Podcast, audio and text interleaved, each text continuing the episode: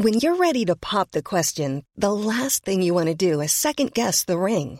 At Bluenile.com, you can design a one of a kind ring with the ease and convenience of shopping online. Choose your diamond and setting. When you find the one, you'll get it delivered right to your door. Go to Bluenile.com and use promo code LISTEN to get $50 off your purchase of $500 or more. That's code LISTEN at Bluenile.com for $50 off your purchase.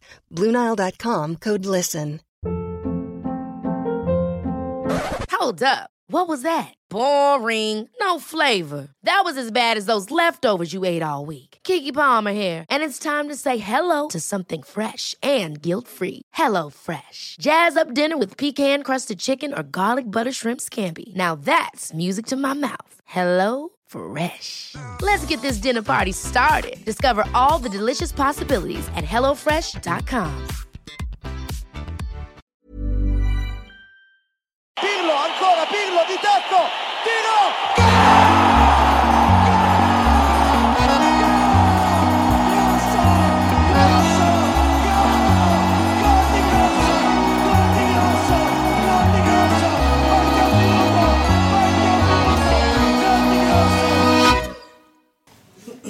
Eh, Stort tack som sagt för att jag får komma hit.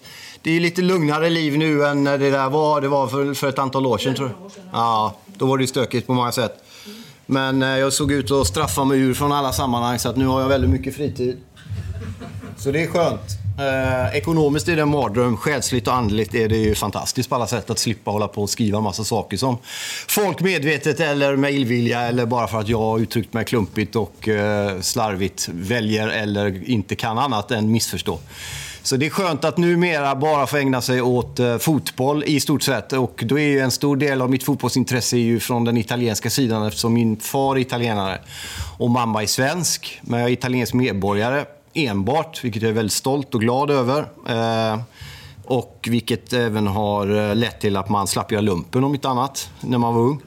Eh, för på den tiden när jag, när jag föddes då, då fick man ju pappans medborgarskap. Eh, så min storebror som är sex år äldre, han är svensk medborgare, vilket han har försökt ändra på vid något tillfälle just innan han i sin tur skulle göra lumpen förut. Men då fick han Eh, eh, mammas eh, medborgarskap för att mina föräldrar inte var gifta. Sen hann de gifta sig och sen fick, kom jag så fick jag då pappas. För min far har aldrig bytt medborgarskap. Eh, fast han har bott i Sverige sedan eh, början av 60-talet. Eh, jättekul bara för det första att vara tillbaka i Dalarna igen. Jag hade ju faktiskt för just några år sedan rätt mycket med Dalarna att göra. Jag var en del av Don Andersson-veckan under flera år och invigningstalade där. Hade även stoltheten att vinna Don Andersson-priset 2007. Vilket för mig är det bland den vackraste eh, Eh, man kan få vara med om och vinna ett sånt pris i en poets namn som man hade läst hela sitt liv. Och sen när de ringde från Don Andersson-sällskapet och sa att du har vunnit Don Andersson-priset. Det tog, tog två veckor innan jag fattade. Och jag ringde tillbaka flera gånger och vi mejlade och jag frågade om det var sant och om någon har förfalskat mejlet och allt möjligt sånt där. Det var helt... Eh, det var, det var overkligt stort att få vara där uppe på vid Lossastugan och få det där priset den där dagen 2007. Så det är någonting jag värdesätter oerhört. Sen eh, åkte, apropå att få sparken, vi kanske återkommer till en del av de grejerna sen, men jag åkte ut från Don Andersson-veckan sen när de fick för sig att jag var stod politiskt åt ett håll som jag inte står och det var massa snack så då fick jag inte, men det är som det, det är lugnt. Men eh, jag hade mycket med Dalarna att göra under, under flera år. Jag skrev ju i Falu-Kuriren också, Dalarnas Tidningar, under flera års tid på kultursidan där, lite krönikor och lite annat. Eh, Jens Runneberg bland annat, eh, som, jag vet inte om han är kvar på Dalarnas Tidningar. Är han det? Han är underbar faktiskt, för han tog in mig. Det började 2002 var jag i Ludvika ihop med en kompis och gjorde en katastrofal föreställning som inte alls var speciellt bra. Och då fick vi en jättedålig recension och den var ju helt rättmätig och då blir man ju arg såklart eftersom den var, de hade rätt. Så då ringde jag till den här tidningen och det var Dalarnas Tidningar och då fick jag prata med just den Jens Rundberg. Som, som jag skällde ut efter noter då för jag tyckte det var fruktansvärt dålig stil av att de inte gillade det jag hade gjort. Och efter det så anställde han mig. Så man kan gå olika vägar lite beroende på vilket temperament. man- Jens Rundberg valde liksom, han verkar ju helt tokig, vi tar in den gubben. Det gillar man ju. Peace and Love har jag varit på flera gånger. Det, just det, det är sant. Uh, under de här publika åren där som jag hade ett gäng. Uh, kanske ta det lite så här mer Uh, i ordning så småningom. Men, men det var jättekul att få, få komma hit igen. Det var länge sedan jag var här nu, så det känns jättebra. Den italienska delen, om vi börjar där då, det är ju som sagt min far som är uppväxt, född i, i Vicenza i nordöstra Italien, nära Venedig. Eh, I en liten stad eh, där, ute på landet där, bland majsfälten. Eh, och eh, han kom till Sverige tidigt 60-tal, till Göteborg, SKF, i, som arbetskraftsinvandring. De hade ju skyltar ute på landsbygden, framförallt i Italien, där de raggade eh, arbetskraft helt enkelt. Eh, efter kriget det var många i Italien som som eh, hade det svårt och det var ju, liksom en, det var ju analfabeter och det var en oerhörd fattigdom och, och sådär. Och då kom stora svenska företag och lockade dit arbetskraft både från Italien, Grekland och Jugoslavien dåvarande och sådär och sa att kom till Sverige, det, där är det, det är guld och honung och där kan ni jobba och tjäna pengar och, och sådär. Och delvis var ju väl det sant, även om de fick bo i baracker och det fanns inget rödvin och de visste inte vad vitlök var. För... Just det, den kommer exakt faktiskt. Jag har gjort en, den kommer därifrån. Men det, jag tror att det dröjde ett tag innan. Alltså du gjorde vi i Gamla stan eller? Ja, Raggade han på det pappa eller var han? Nej, bra. bra. Han raggar på allt annat annars möjligen i så fall. Eh, men det är sant. Men de hade ju, eh, det talades ju om Sverige på ett visst sätt då. Så när han kom dit så blev han väl liksom både... Det stämde ju naturligtvis en del och vissa grejer var ju såklart intressanta då. Men han bodde där, jobbade stenhårt och sen gick han på Rondo en kväll i Liseberg, ett dansställe. Då var det väl någon form av nattklubbställe eller musikalställe numera och träffade då min, eh, min mor. Och det hade han ju sagt innan till sina häftiga italienska polare när han åkte upp. Han var väl en, strax över 20 då. Att nu ska man ju åka och träffa blondiner och sådär. Och blåögda svenska tjejer som bara går runt, om ni vet, på, på stan. Och mamma är ju brunett och mörka ögon. Så hon ser ju nästan italiensk ut hon med. Men då träffades de. Hon var väldigt ung. Hon hade en kille, det struntade han i. Och hon med så småningom. Och så blev de då ett par. Då hade ju min mamma ändå liksom att det här är ju något äldre italienare. Det är ju stökigt liksom. Så han eh, fattade väl det att det kanske inte blir någonting där, så han åkte tillbaks. Och så trodde väl mamma att då var det liksom ändå story där, det blir ingenting mer där. Eh, men min pappa eh, i någon sorts smyg fick för sig att han avslutade det han skulle göra på SKF Göteborg och åkte hem och hade tänkt att åka hem för att stanna hemma i Italien då. Men eh, valde att åka tillbaks utan att säga något till mamma.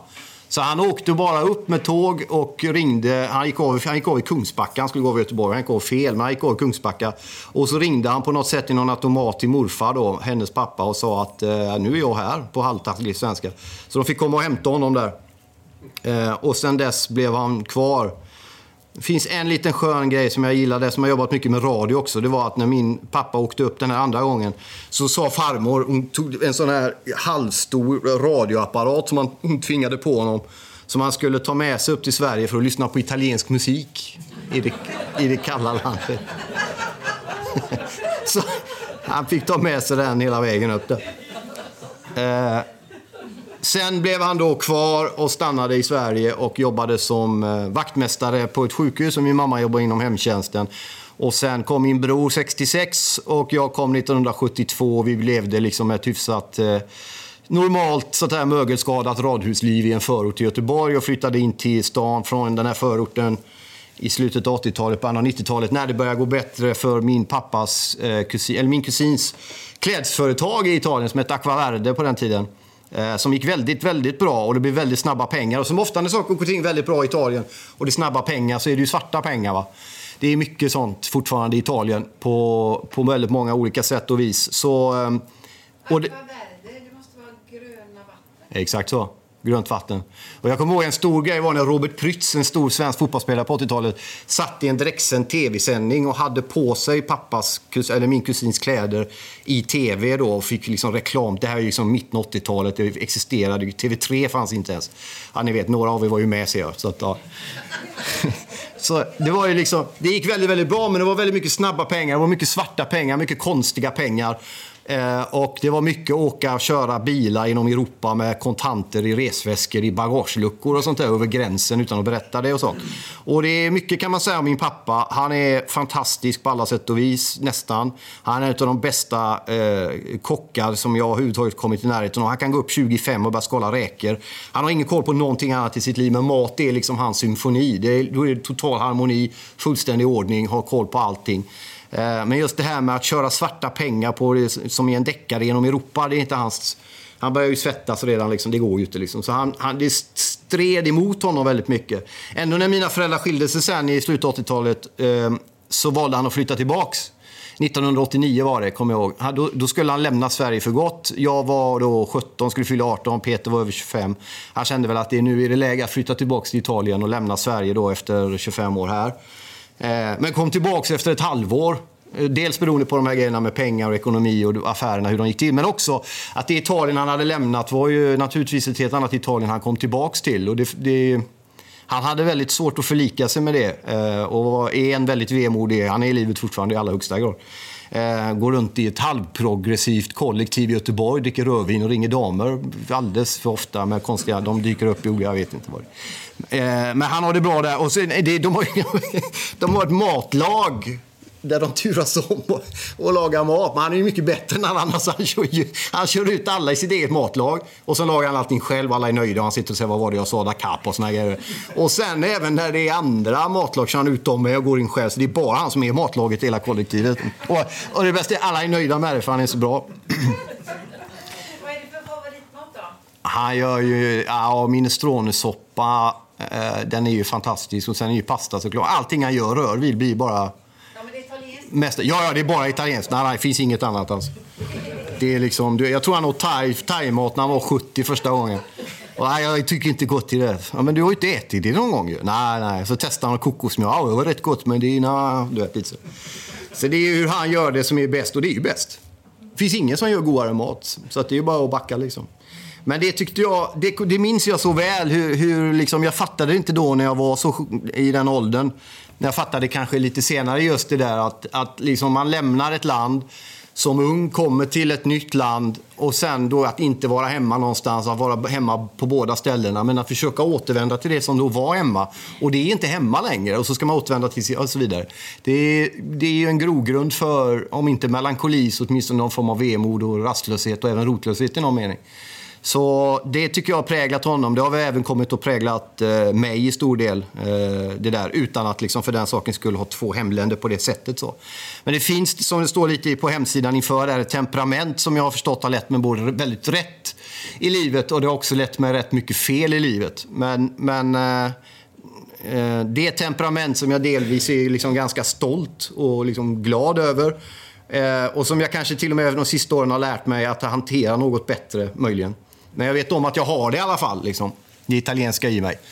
Eh, och eh, jag, jag kan väl, och det är någonstans ibland när man känner att man går på kant med allt och alla. Och Det handlar inte så mycket om, jag tog körkort för en månad sedan.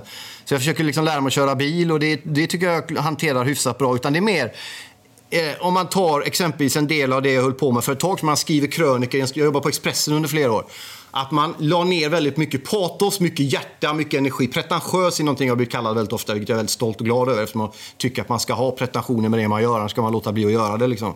Men att man brinner lite i båda ändarna, att man lägger sitt hjärta på ett fat, att man tar ut det man har och visar det här är jag, det här är vad jag har, så här tycker jag, vad tycker ni? Och att folk blev arga och, och märkligt förnärmade av det, provocerade av den öppenheten. Eh, det fattade inte jag riktigt att det är någonting som går på tvärs rätt mycket liksom, med det svenska då, om man får vara generaliserande. Och det kan jag tycka är sorgligt i någon mening. Samtidigt som jag är övertygad om att precis under ytan så ligger det ju väldigt mycket oförlösta passioner, mycket sorg, mycket vemod, mycket ilska, mycket längtan, mycket andlighet, mycket saknad, mycket kärlek, förvirring och allt sånt där. Även hos alla människor liksom, i det här landet med. Men vi har lite, vi, vi har en ishinna emellan och sen kommer känslorna liksom. Och det kanske är bra i någon mening och ibland får man lära sig att hantera det om man är dålig på det.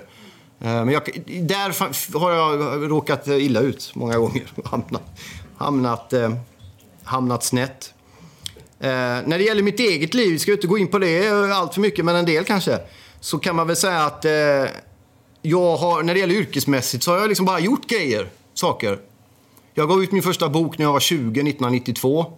Sen dess har jag gett ut 18 böcker till eh, nästan en varje år sedan dess. Eh, jag har fått göra i stort sett allting jag drömde om att få göra. Jag har fått spela in skivor och turnera med mina rockidoler från när jag växte upp. Jag har fått skriva en bok om rockgruppen Imperiet med Joakim Thåström för er som minns dem. Jag har fått göra Karlavagnen i P4, några av er kanske kommer ihåg och lyssnade på, på, på eh, den. Nu är det eh, Sanna Lundell tror jag på fredagar. Jag har fått, jag har fått eh, turnera liksom land och rike runt och uppträda för en massa människor. Och jag har fått göra allt det som när jag satt på Solrosen i Majna i Göteborg och fröstade och drack starköl hela dagen. Eh, drömde om att få göra och som jag ville göra och som jag sa till alla att jag skulle göra. Det har jag gjort också. Och ändå är jag liksom allt annat än nöjd och alltid numera fortfarande kanske lite väl ibland överdrivet förbannad över att jag inte har gjort mer, inte har nått ända fram, inte har lyckats med det och där är det slarv.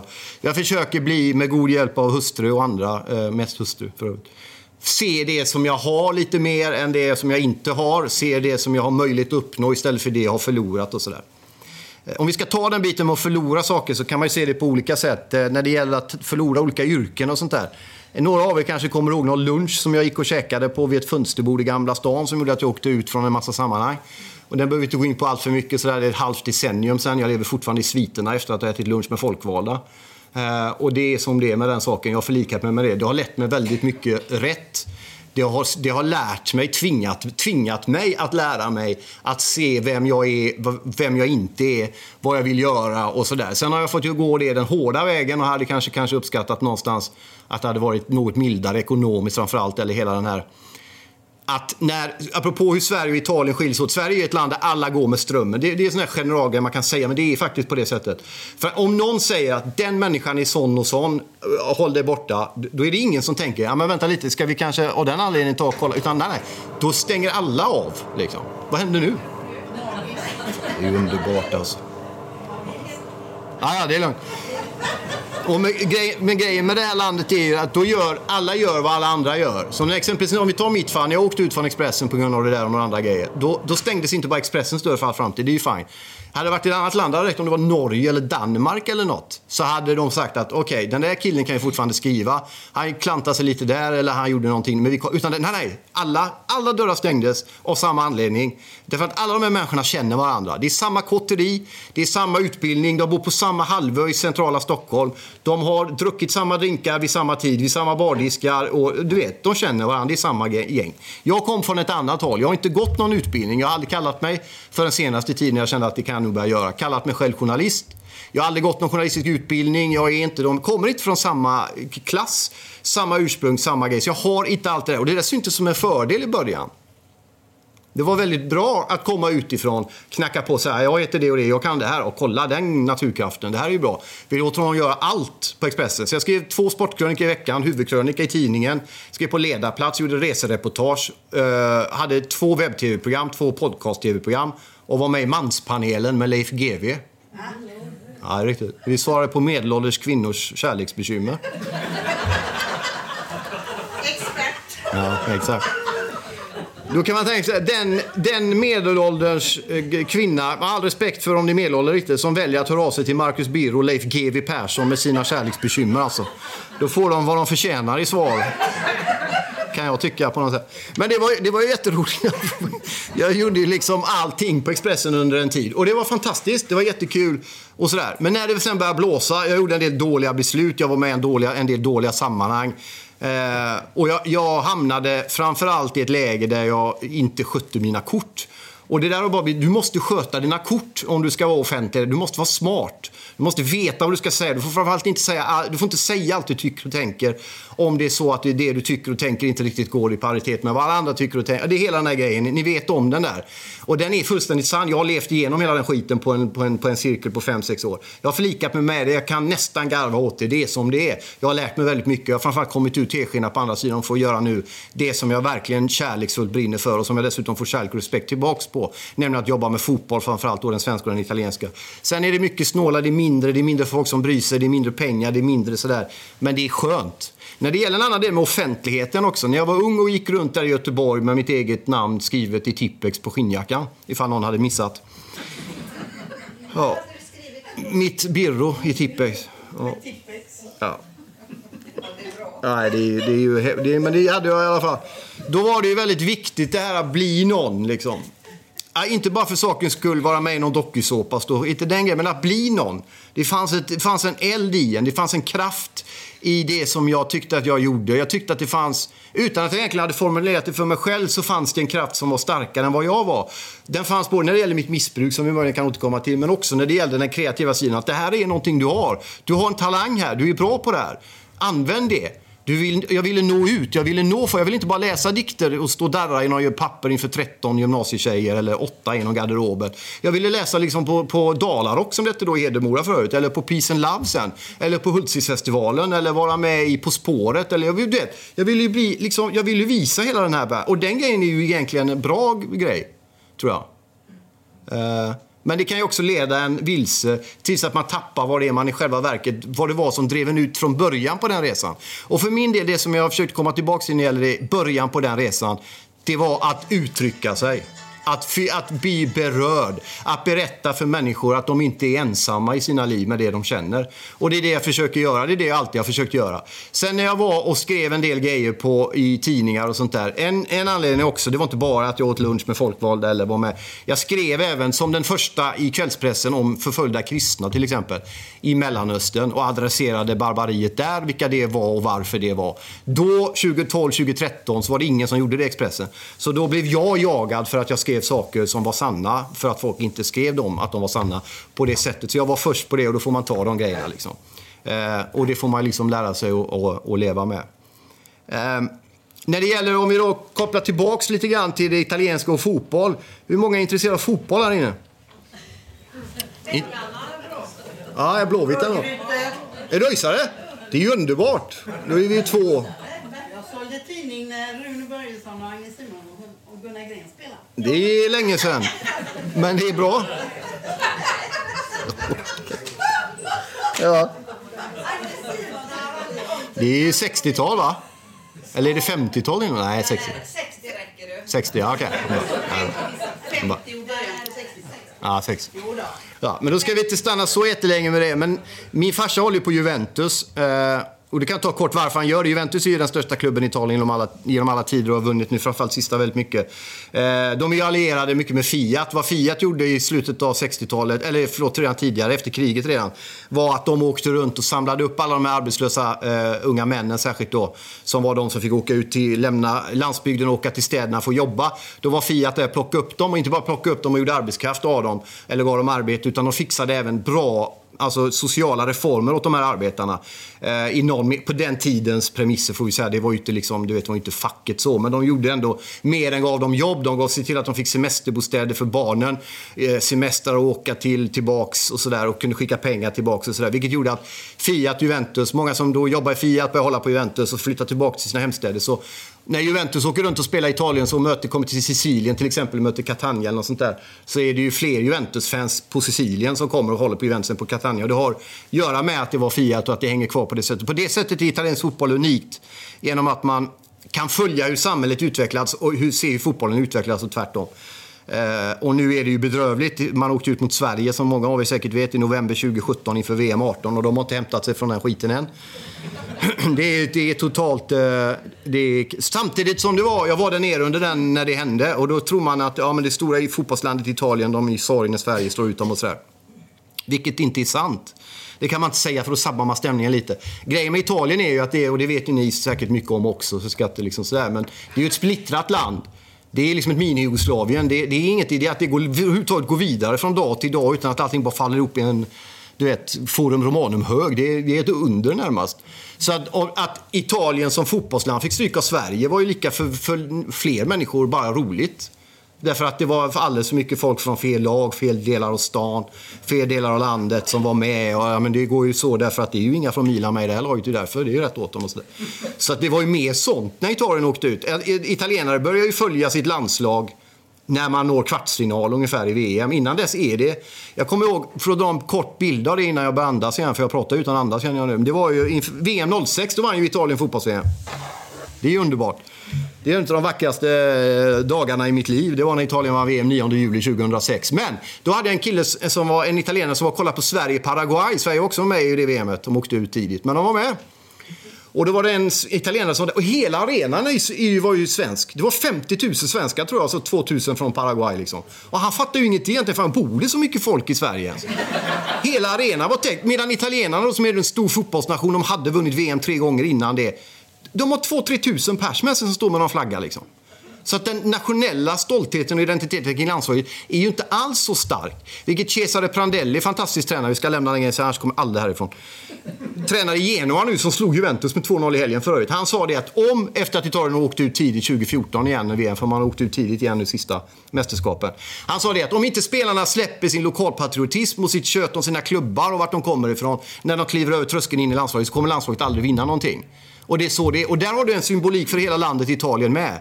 Det är därför det är så otroligt splittrat. Det är därför det är sådana dragningar mellan nord och syd och även mellan delarna av nord och i syd. Det är liksom ett land som nästan spricker hela tiden, vilket gör det till ett fantastiskt land att älska. Ett fantastiskt land att vara i. Ett fantastiskt land att vistas i. Men det är ett väldigt svårt land att leva i. Av många anledningar. Och det här är en av, det är därför också som man numera på gatorna i Stockholm kan höra mycket italienska mer än man gjorde förr. Och det är inte bara turister som tar Ryanair upp, utan det är folk som flyttar hit. För att det, går, det är svårt att leva i Italien helt enkelt. Och det handlar mycket om... Mycket italienska studenter här uppe. Ja. Ja, bra. Trivs de då? Ja. Det finns många. Ja, ja men det... Och Det det har glädjen av i vår förening också att njuta av. ja, det är bra. Och det tror jag är, det kommer bara bli mer det. Eftersom det är som, som det är med, med det. Liksom. För det, det är ett stökigt... alltså Ja, det är svårt. Eh, Samtidigt som det då är liksom ett fantastiskt land. Eh, Och, och allt det där gäller det att få ihop och det, det, det, det är tufft. Jag har släktingar kvar så som jag tyvärr inte träffar så jättemycket. Men de bor ju då i Ferrara och i Vicenza utanför Venedig. Så, Ehm, men just när det gäller fotbollen kan vi tycka vad man vill om. Men det har blivit liksom den delen av det italienska som har fått representera Italien för mig. Därför har jag ju kommit att hålla väldigt mycket på Italien i landslaget. Och eh, hade man bott i, i Italien och varit hälften så hade det det svenska. Alltså det blir ju på något sätt det man lyfter fram av det italienska blir när landslaget spelar fotboll. Och då har man ju fått vara med om två VM-guld och det var ju 82 eh, när jag var 10 år vann de i Spanien där mot Västtyskland i final. Och sen slog man ju då Frankrike på straffar 2006. Eh, då min pappa, jag har aldrig sett honom så blek i hela mitt liv alltså. När han satt bara... Jag tror jag måste sätta mig ner, sa han och låg ner när han sa det. Då vet man att man är... Eh, innan pa- 2006. Tju- 2000, 9, 9 juli 2006. I Berlin. Det var då han eh, låg. Ja, han låg ner och sa att han var tvungen att sätta sig ner.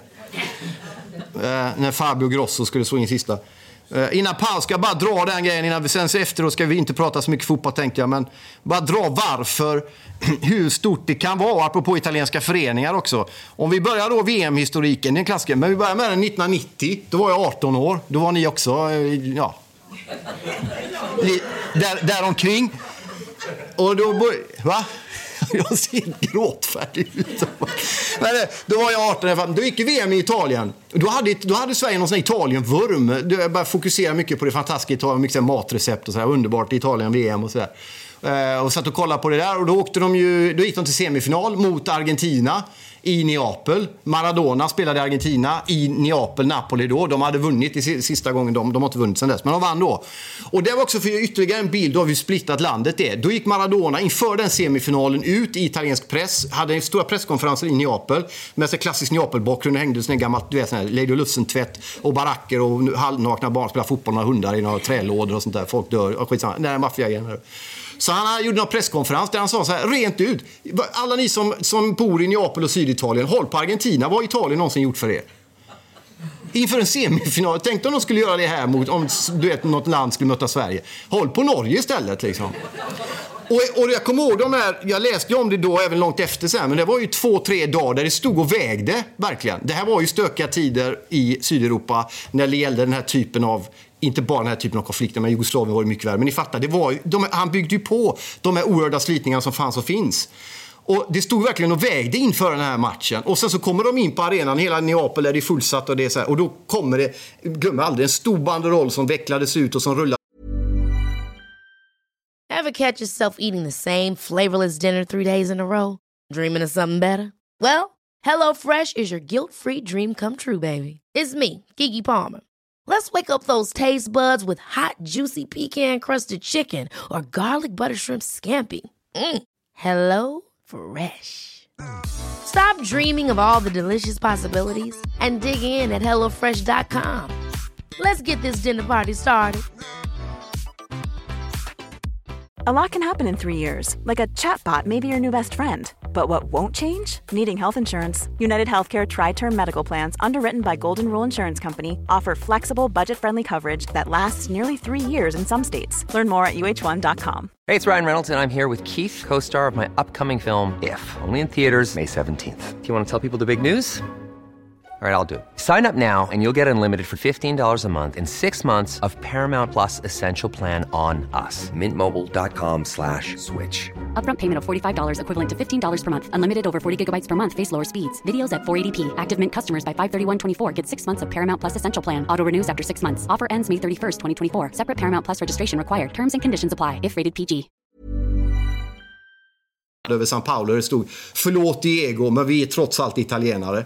Så det blev att de höll på Italien, sen vann Argentina på straffar och den grejen. Då åkte de ut på straffar 90. Då, och sen 94 då hade jag upptäckt italienska föreningen i Gamlestan i Göteborg som var ett fantastiskt ställe. Där man kunde få en pastatallrik och två flaskor vin, för det var ofta två flaskor vin, alltid då. För ja, men 50 kronor, det var jättebilligt. Och så var det grappa och sen var det limoncello och sen var man ju väck i halvlek. Men det var, det var ju fint på det, det var innan... Det är i Gamlestan, vid, mittemot SKF, i parker. Där Bingolotto spelas in. Jaha, det är. Ja, exakt. Där var det. Ja, ja 94. Ja, men då var vi där eh, mycket och följde VM. Och Italien, de gick ju till fin- Det var ju Sverige tog brons då. Det kommer ni ihåg? Italien gick till final. Det kommer ni kanske ihåg. Det var en skittråkig fot... Va? Ja, exakt, det var ingen bra match. Och vad gick den till? Ja, hur gick det? Ja, exakt. Brasilien vann på straffar. Vem var du missade bland annat? Baggio. Baggio sköt över. Stora han som var... vann. Baresi missade också, men det är precis bra. Men det snackas bara att Baggio missar. Ja, de som inte är intresserade av fotboll de har ju lämnat lokalen nu. Du. Men jag bara ta den kort bara för att visa. Det är fyra år mellan varje VM, fattar du? Eller? Så du hinner ju glömma, få, och, du vet, bearbeta din ångest, för det är ångest. Det är fruktansvärd ångest man åker ut på straffar. Det är vedervärdigt på alla sätt alltså. Och sen så hinner du bygga upp förväntningarna, fyra år kommer, och så ut på straffar i en final mot Brasilien igen. Fattar du eller? Det är en mardröm. Fyra år senare, VM 98, det har gått tio år snart. Nu är jag ju då äldre. Vad blir det? 26? 26. Ja, men I VM, fortfarande samma italienska förening. Italien, eh, VM går i Frankrike, va? Italien möter Frankrike i åttondelen, tror jag. Hur går det? Kommer du ihåg? Ja, det är ut på straffar igen. Eh, Di Biagio bland annat missar och Massara. Och så. ah, skitsamma, de åker ut på straffar. Det, nu har det gått 2000, det har gått 10 år. Fattar ni? Eller? Fattar ni? Vi vi är snart klara i paus. 2000, EM! It Italien går i sina fantastiska vita kappatröjor med Paolo Maldini, Alessandro Nesta och de här snyggingarna. Går till final, möter Frankrike. Döms av en svensk domare. Kommer du ihåg vem det var? Ja, från Mölndal. Moderatpolitiker i grunden. Dansbandssångare. Anders Frisk! Solbränd, snygg karl från Mölndal. Du vet. Han lägger, Italien tar ledningen med 1-0. Eh, Del Vecchio från Roma för övrigt gör 1-0. Del Piero kommer fri, missar. De vänder, gör tredje någon gubbe som gör 1-1. Och då var det golden goal på den tiden. Så var det sån här förlängning. Den som gör första målet vinner. Och Frankrike gör det naturligtvis. Därför att han, Anders Frisk lägger till en kvart eller vad det är. Så de vinner det. Det har gått tio år där de åkt ut på det här sättet. Fattar ni vad det gör med en människas själ om man är passionerad? Det, det är både roligt och fruktansvärt samtidigt. 2002, vi är snart klara. 2002.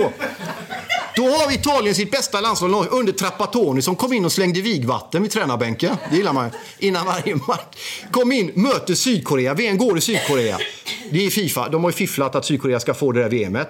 Då är det en gubbe som heter Moreno som dömer den matchen. En från Sydamerika någonstans. Dömer ut Totti för han blir nedsparkad. Han får rött kort för filmning. Det är helt vansinnigt. De gör tre regelrätta mål som döms ut för offside. Allting är uppgjort naturligtvis.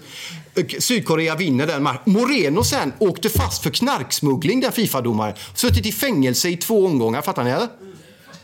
Bara för att lägga den. Ja, exakt. 2004, nu är det två år innan, nu är det bara fem, några minuter kvar. 2004 är det Sverige och Danmark, Italien och något till i samma grupp i EM. Kommer du ihåg den? Ja, exakt.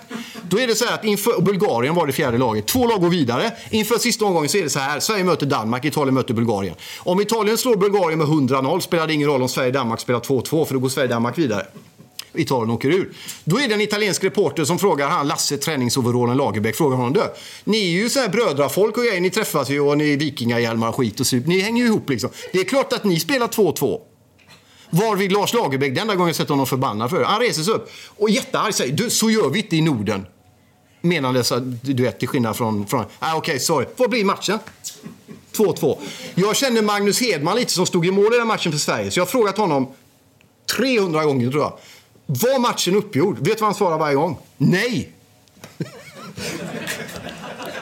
Exakt.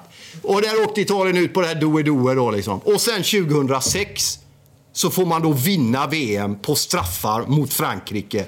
I semifinalen mot Tyskland, Del Piero som missade i finalen mot Frankrike sex år tidigare, kommer fri på samma kant, har samma läge, står 1-0 i samma utsatta läge, sätter den. Fattar ni? Sex år senare gör han mål i samma läge som han missade sex år innan.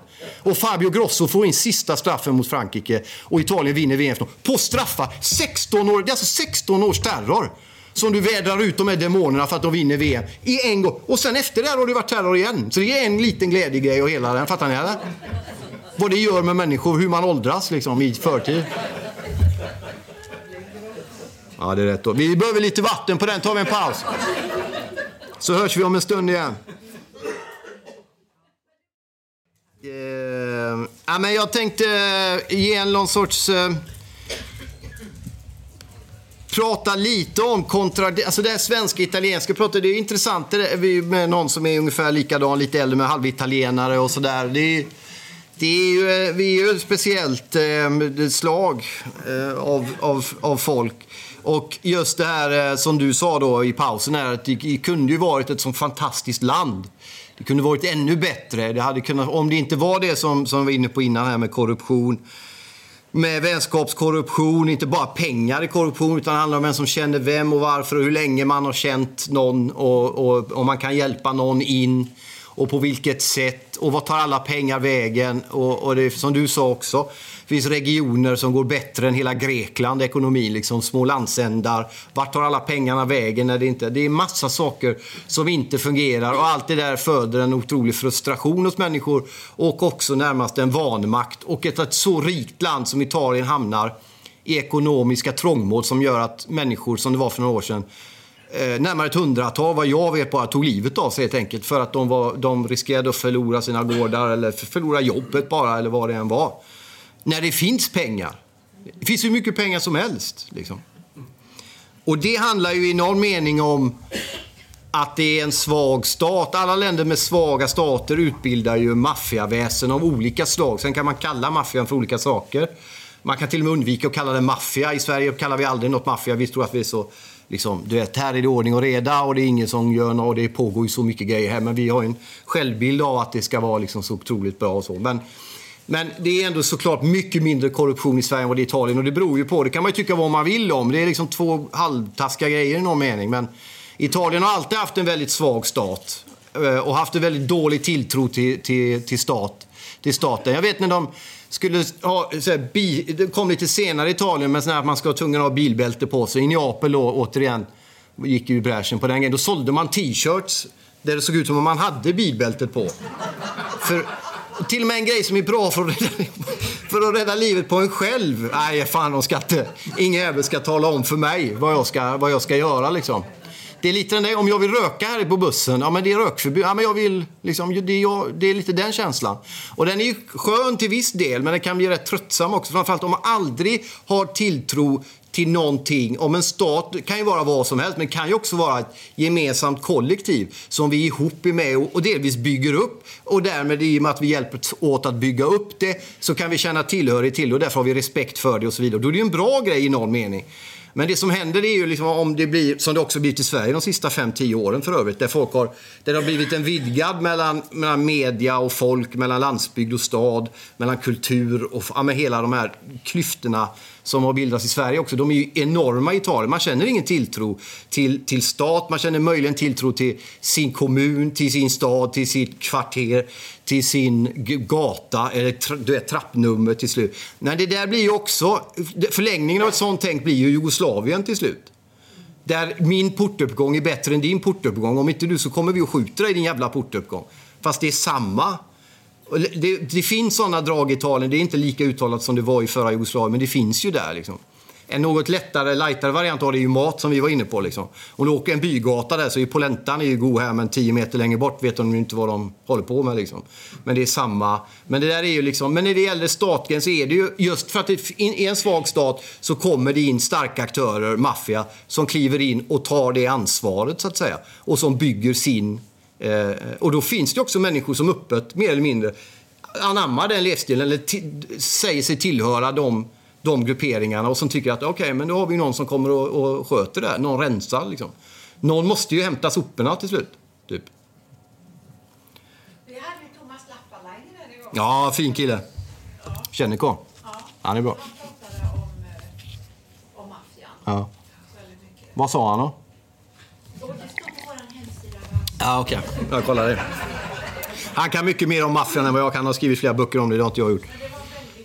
Ja, det är bra. Eh, men som sagt, det finns ju, det finns ju en sån där. Men jag, jag tror att man gör ett misstag om man som svensk solar sig i någon sorts självgod glans och tänker att, som Lars Lagerbäck gjorde lite grann i mitt eh, snabba anförande innan paus, att sånt där är det ni gör, här har vi det liksom mycket bättre.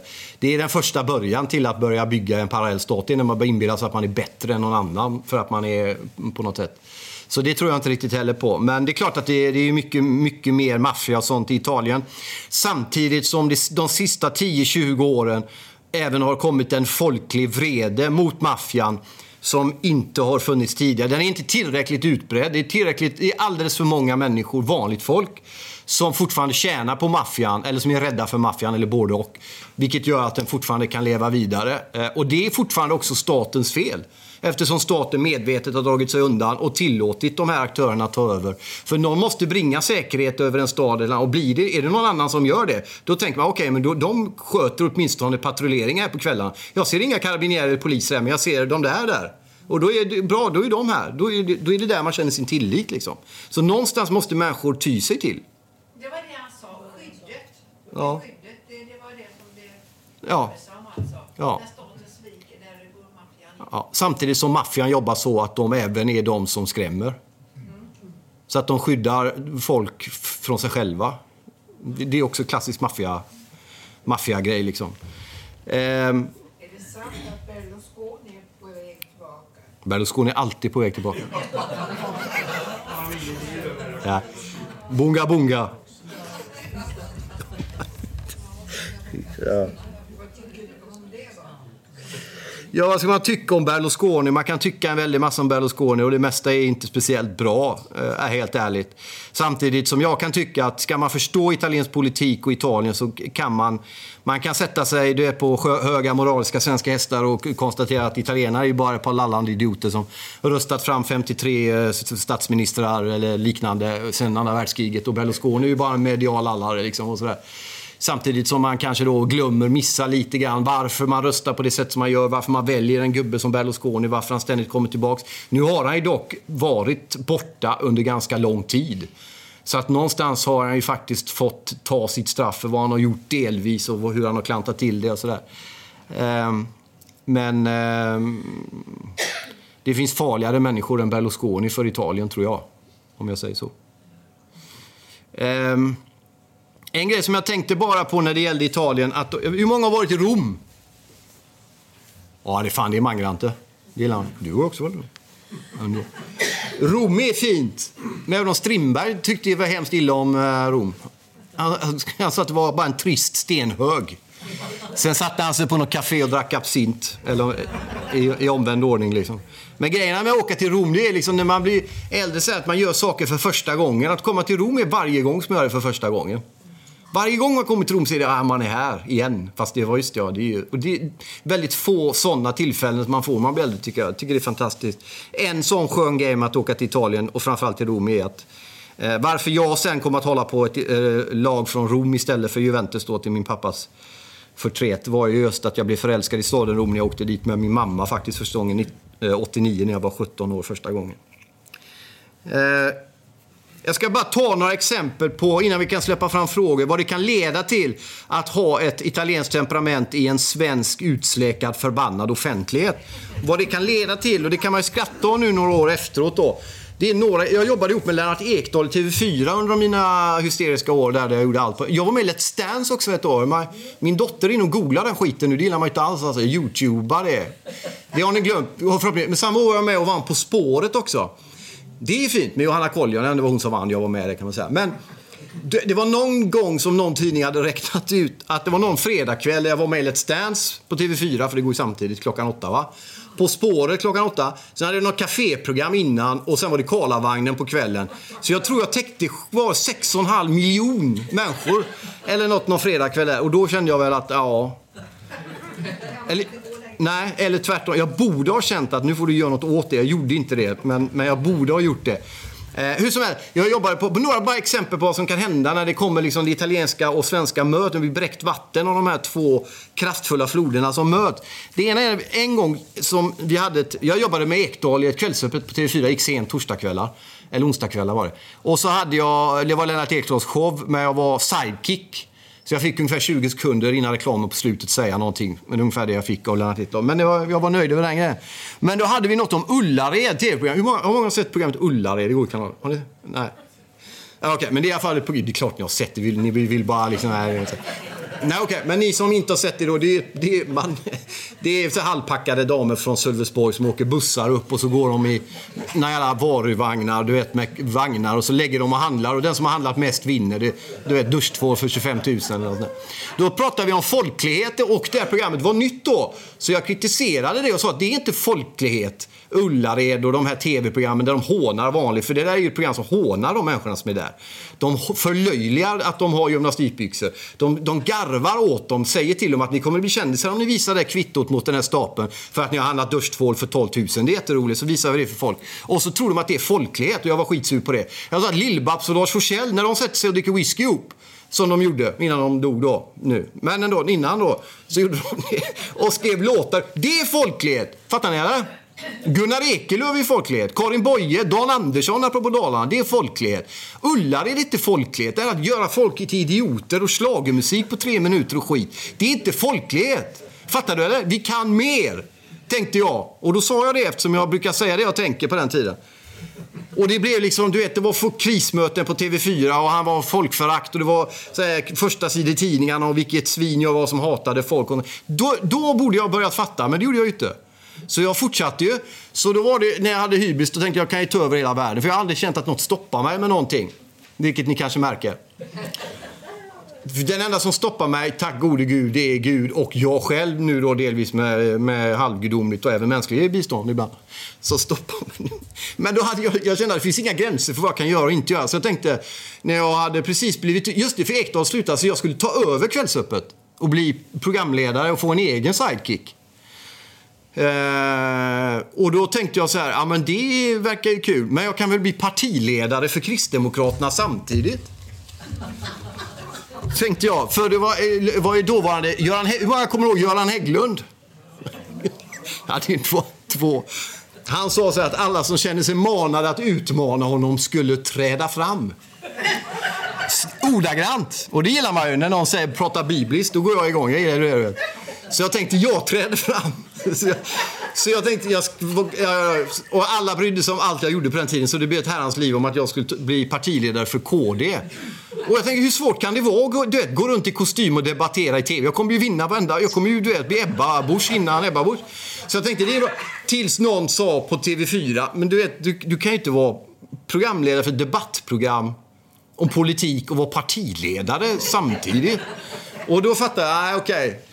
Men då tog jag upp det fina exempel Gustaf Fridolin. Honom någon känner det? Gammalt språkrör. Eller gammal, han är ju 13 jämt. Men nu vet, han är fel, jag känner karln. Han är inget fel på, han är fantastisk. Han satt ju för Miljöpartiet och jobbade för Kalla fakta på TV4 samtidigt.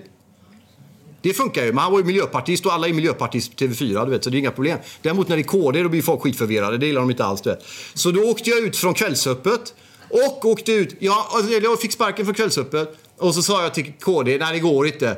För, innan. Så jag tänkte jag får behålla, men jag åkte ut från båda. Så på morgonen var jag både möjlig partiledare och programledare. På eftermiddagen hade jag inget av det. Så jag fick starta ett webb-tv-program på Expressen istället. Men det är en annan... En annan. Men då, där borde man också ha fattat. Liksom. Då kanske jag började fatta. Eh, och den sista exempel jag ska ta innan, innan vi kan gå in på lite frågor, tänker jag. Det är Eh, när jag skrev, eh, något allvarligare det men jag skrev väldigt mycket om förföljda kristna. Jag skrev om kristna överhuvudtaget, om min kristna tro i Expressen. Jag skrev krönikor varje vecka i Expressen, varje onsdag. Eh, många, alltså en miljon läser ungefär de krönikorna eh, varje vecka. Eh, I särklass mest läst av alla, eh, efter GV.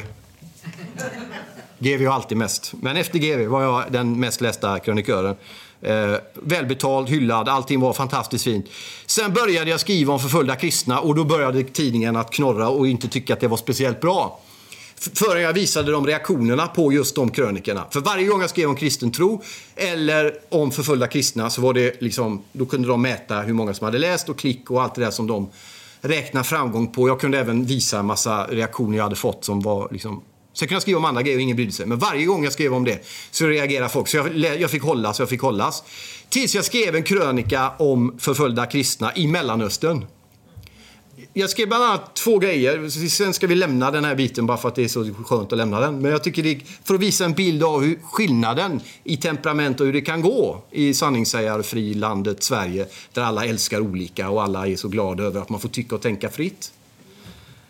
Då skrev jag en krönika om förföljda kristna. Jag skrev att kristna är den religiösa grupp i världen som är mest förföljd. För så är det. I särklass. Och det kanske du och jag vet, men jag tror att de flesta kanske blir så här. Va, är det inte... Kristna är väl alltid i överläge liksom? Nej. Kristna är den religiösa grupp som är mest förföljd. Överlägset över hela världen. Det är värst i Nordkorea, för övrigt. Det är de som är värst. Men i Mellanöstern så eh, är det militanta muslimer som mördar och fördriver kristna. Och det skrev jag. Och det här var 2012. Då skrev man inte så, kan jag säga. Men det var jag skrev i mitten på krönikan. Det var en mening. Och klockan kvart i åtta började ringa 08738-nummer. Det är Expressen, eller Dagens Nyheter. Så om ni, om ni ser det på displayen någon gång, svara inte. Bara låt bli. Så då ringde det och jag fattade ju med en gång vad det handlade om. Och så ringer någon mellanchef, det är många mellanchefer på Expressen som jobbar sent på kvällarna. De ringer. Så säger de att den här krönikan kan vi inte trycka. Och då frågar jag varför. Och jag vet varför. Ja, det är du skriver om muslimer. Och vad är det jag skriver om muslimer, frågar jag då. Och ja, det är sån där moment man känner att det här måste, jag måste komma ihåg det, här, det som händer nu. För det här är, det är angeläget. Jag vet att jag kommer... Det är någonting i bakhuvudet som öppnar. Kom ihåg det här samtalet så jag minns det som igår. Vad är det i krönikan som du har reagerat på? Det är meningen i Mellanöstern är det militanta muslimer som mördar och fördriver kristna. Den meningen är det. Vi kan inte skriva det. Och då frågade den enda frågan som borde vara aktuell i sammanhanget. Är den fel? Vad svarade han då? Nej, den är inte fel. Det är helt rätt. Men vi kan inte skriva det. Och då gick jag ett steg högre upp till en annan mellanchef. och så sa jag, och till slut fick jag igenom den krönikan. Det var den sista jag fick igenom sen innan jag fick sparken. Men den fick jag igenom. Dagen efter, när jag kommer ut där, vi, där jag bodde då, så står det en syriansk familj utanför. Där, där de har läst den här eh, krönikan då. Och där de står och gråter. Pappan står och gråter. Dottern skickas fram på knagglig svenska. Ska tacka mig för den här krönikan. Därför att det är första gången de har varit i Sverige ett och ett halvt år. De har flytt från IS-terror. Kommit till Sverige. Det var precis i ISIS hette det fortfarande då. Det var precis när det här började rullas upp i Syrien. Inte när det började, men när vi började få upp ögonen för det. Det är en stor skillnad. Då kommer den här dottern fram och vill tacka. Och de bara står och gråter och tackar för. Gissa vilken mening det var. Därför att det var första gången någon i, i deras nya land där någon hade skrivit vad det var de hade flytt ifrån och som vågade sätta ord på det. Liksom. Och det, var, det är jag fortfarande så otroligt stolt över. Så jag ringde Expressen, för jag visste ju att det var varit svårt att få den att gå igenom. Så ringde jag till dem och sa och berättade om den här reaktionen och alla mejl som bara liksom, det var ju närmare tusen mejl som kom den dagen. Och skickade det. Och jag fick svaret, ja, det var ju roligt då Marcus att vi tryckte den. Och två veckor senare så hittade de till slut en anledning att, att ge mig sparken. Liksom. Så så går det också till i det här landet där vi liksom är fria och toleranta och vi stämplar om vi älskar olika och sådär. Du får älska olika så länge du tycker lika. Fattar du? Om du börjar tycka för olika då är det inget. Det är också en annan grej när det gäller temperament det där. Där folk säger upp bekantskaper med varandra fast man har känt varandra. Jag har råkat ut för det. Jag, folk jag har känt i 30 år. Jag har släktingar nära som har sagt upp bekantskap med mig därför att de tror att jag röstar på ett, ett annat parti än vad de gör. De är inte säkra, men de tror. Den jäveln vill inte jag ha kontakt med längre. Jag har känt honom som en 87, men jag säger upp, jag plockar bort honom från Facebook. För vi har kanske olika uppfattningar i några politiska frågor. Det är helt unikt för Sverige. Det händer inte någon annanstans. I andra delar av världen går man in i rum där folk tycker olika för att de tycker olika. Det är den anledningen du behöver få gå in i det rummet. Fattar du vad jag säger? Här är det liksom, åh nej. Och det där också, degradera en annan människa till en politisk uppfattning. Allt annat faller liksom av. Att du tycker så i den frågan, därför kan inte jag umgås med dig. Fattar ni? Om man berättar det för en italienare, de fattar ju ingenting. Liksom. Så att ibland när vi sitter och säger, och med all rätt naturligtvis, att det är ett märkligt land, Italien. Det är konstigt, det är mycket korruption. Men vrid blicken inåt det här som pågår i det här landet med ibland. Det är ett fullständigt galet land alltså. Du vet, man ska sätta de här, var man någonstans på kartan, vi så långt ifrån lagom det går liksom. Det är totalt way out. Och den som tror att vi lever i någon sorts utav den bästa av civiliserade demokratier, där minsann alla får komma till tals på samma villkor och där det är fri... Glöm den grejen alltså. Tycker du olika tillräckligt hårt tillräckligt länge så blir du liksom degraderad, förflyttad, bortförd. Och det är liksom, i mitt fall, inget synd om mig längre. Det är möjligt att det var det eller att, ja skitsamma om det är nu. Det är inte det liksom. Men man ska vara väldigt klar över hur det går till, hur det låter, vad som händer och vilket pris man kommer att få betala om man ihärdigar i sin ambition att vilja berätta vad man själv anser som sanning. Då kommer man få vara beredd på att ta och betala det priset. Och därför kan jag inte klandra någon som blir feg eller som jag innan har sagt att det är ryggradslöst eller ingen ställdes upp för mig när jag föll eller när jag fick stryk eller när alla Schulman och hela det här patraskgänget gick runt och sparkade så fort de kom åt och började snurra sina handdukar att ingen stod upp. Jag förstår det. Därför att jag vet vad det kostar. Då är det lättare att glömma allt annat och lyfta upp och vara tyst och liksom, nej men vi säger inget för det är bäst liksom. Fattar ni eller?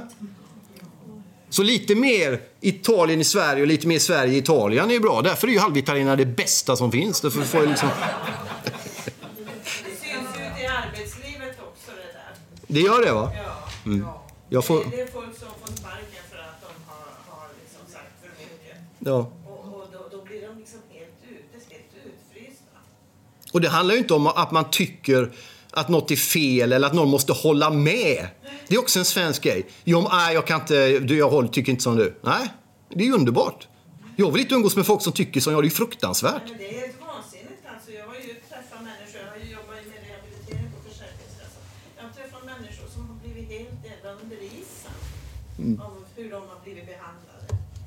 För att de har eh, petat på någonting som man inte ska peta. Man ska inte tycka så eller man ska inte berätta det här. Nej. Och sen var ju, precis, det där pågår ju under en tid, liksom får, jag får ju också många sådana, det fick inte så mycket nu längre eftersom jag inte håller på med det. Men, men jag menar, det här är de mindre, min var ju mycket större då eftersom det blir så offentligt allting. Men det här pågår ju precis som du säger i det lilla, i vardags, i yrkeslivet, överallt jämt. Ja, nu vill jag inte peka finger åt Sverige, det var inte därför jag kom hit. Men, men är det någon som har några frågor vi kan eh, runda om eller föra några argument kring så är det ju alltid kul. Nej, exakt.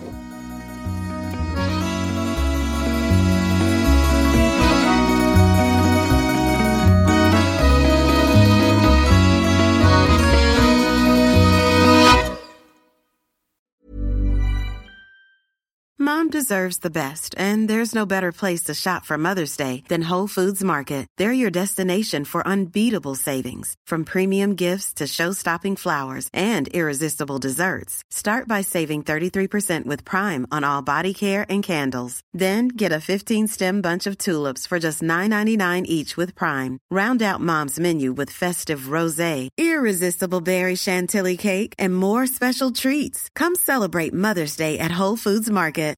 Mom deserves the best, and there's no better place to shop for Mother's Day than Whole Foods Market. They're your destination for unbeatable savings, from premium gifts to show-stopping flowers and irresistible desserts. Start by saving 33% with Prime on all body care and candles. Then get a 15-stem bunch of tulips for just $9.99 each with Prime. Round out Mom's menu with festive rosé, irresistible berry chantilly cake, and more special treats. Come celebrate Mother's Day at Whole Foods Market.